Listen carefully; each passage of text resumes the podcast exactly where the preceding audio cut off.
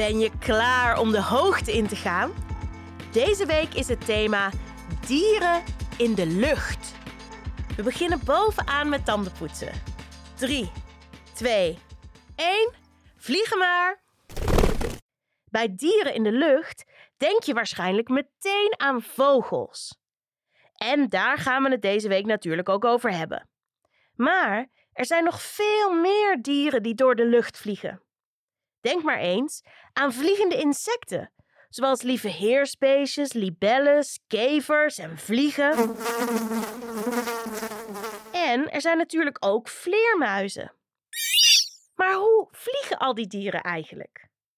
Daar hebben ze zo hun eigen manieren voor. Maar sommige dingen doen ze allemaal hetzelfde.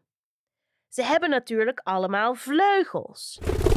Maar er is meer. Dieren die kunnen vliegen zijn allemaal heel erg licht, terwijl ze wel heel sterk zijn. Vooral hun borstspieren zijn heel sterk. Kaka, lekker flexen! Die spieren gebruiken ze namelijk om met hun vleugels te kunnen klapperen. Maar ook met de botten van vogels is iets heel bijzonders aan de hand. Draai nu je tandenborstel om en begin je ondertanden te poetsen. Bij ons, bij mensen en ook bij andere zoogdieren zijn de botten gevuld met been en beenmerg. Heel stevig is dat, maar ook heel zwaar. Zelfs als wij vleugels zouden hebben, zouden we door ons gewicht niet kunnen vliegen. Vogels hebben daarom holle botten. De buitenkant van de botten van vogels is heel erg sterk, maar van binnen zijn ze hol. Wel zitten een soort balkjes in voor de stevigheid.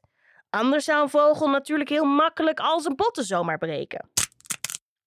Maar tussen die balkjes zit lucht.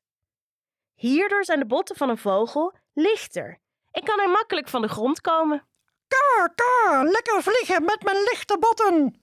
Al heeft niet iedere vogel holle botten. Die van een pinguïn zijn bijvoorbeeld niet hol. Kan jij raden waarom? Kunnen niet vliegen. Dat was het voor vandaag. Spuug je tandpasta uit en spoel goed je mond. Morgen gaan we het hebben over de vogel die het allerlangst in de lucht kan blijven. Tot dan!